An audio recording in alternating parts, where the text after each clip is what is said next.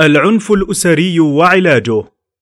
استعرض المجلس موضوع العنف الأسري وعلاجه والأبحاث التي تناولته وبعد المداولة والنظر خلص إلى ما يلي. المقصود بالعنف الأسري اولا العنف هو استخدام القوة المادية أو المعنوية لإلحاق الأذى بآخر. ثانيا أن العنف الأسري يشمل عنف الزوج تجاه زوجته وعنف الزوجة تجاه زوجها وعنف الوالدين تجاه الأولاد وبالعكس كما أنه يشمل العنف الجسدي والجنسي واللفظي وبالتهديد والعنف الاجتماعي والفكري وأخطر أنواعه ما يسمى بقتل الشرف. ثالثا للعنف أسبابه التي يمكن تلخيصها في التالي ضعف الوازع الديني وسوء الفهم. سوء التربية والنشأة في بيئة عنيفة غياب ثقافة الحوار والتشاور داخل الأسرة سوء الاختيار وعدم التناسب بين الزوجين في مختلف الجوانب بما فيها الفكرية ظروف المعيشة الصعبة كالفقر والبطالة.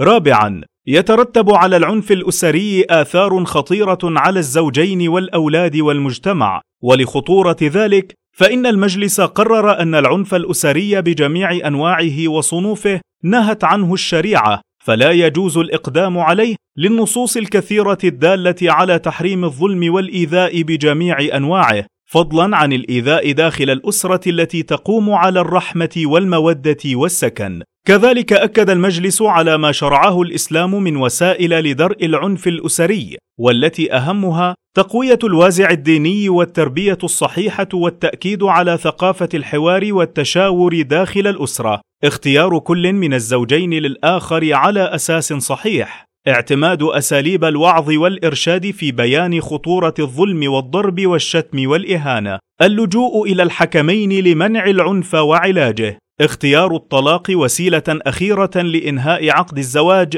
سواء عن طريق القضاء أو حكم الحكمين إذا تمادى أحد الزوجين ولم تنفع الوسائل السابقة. ويوصي المجلس الأقلية المسلمة بالابتعاد عن استعمال وسيلة الضرب في نطاق الأسرة اقتداء بالرسول صلى الله عليه وسلم الذي لم يضرب في حياته امراه وقال لن يضرب خياركم. وتجنبا للأضرار الناتجة عن ذلك بما فيها مخالفة القانون.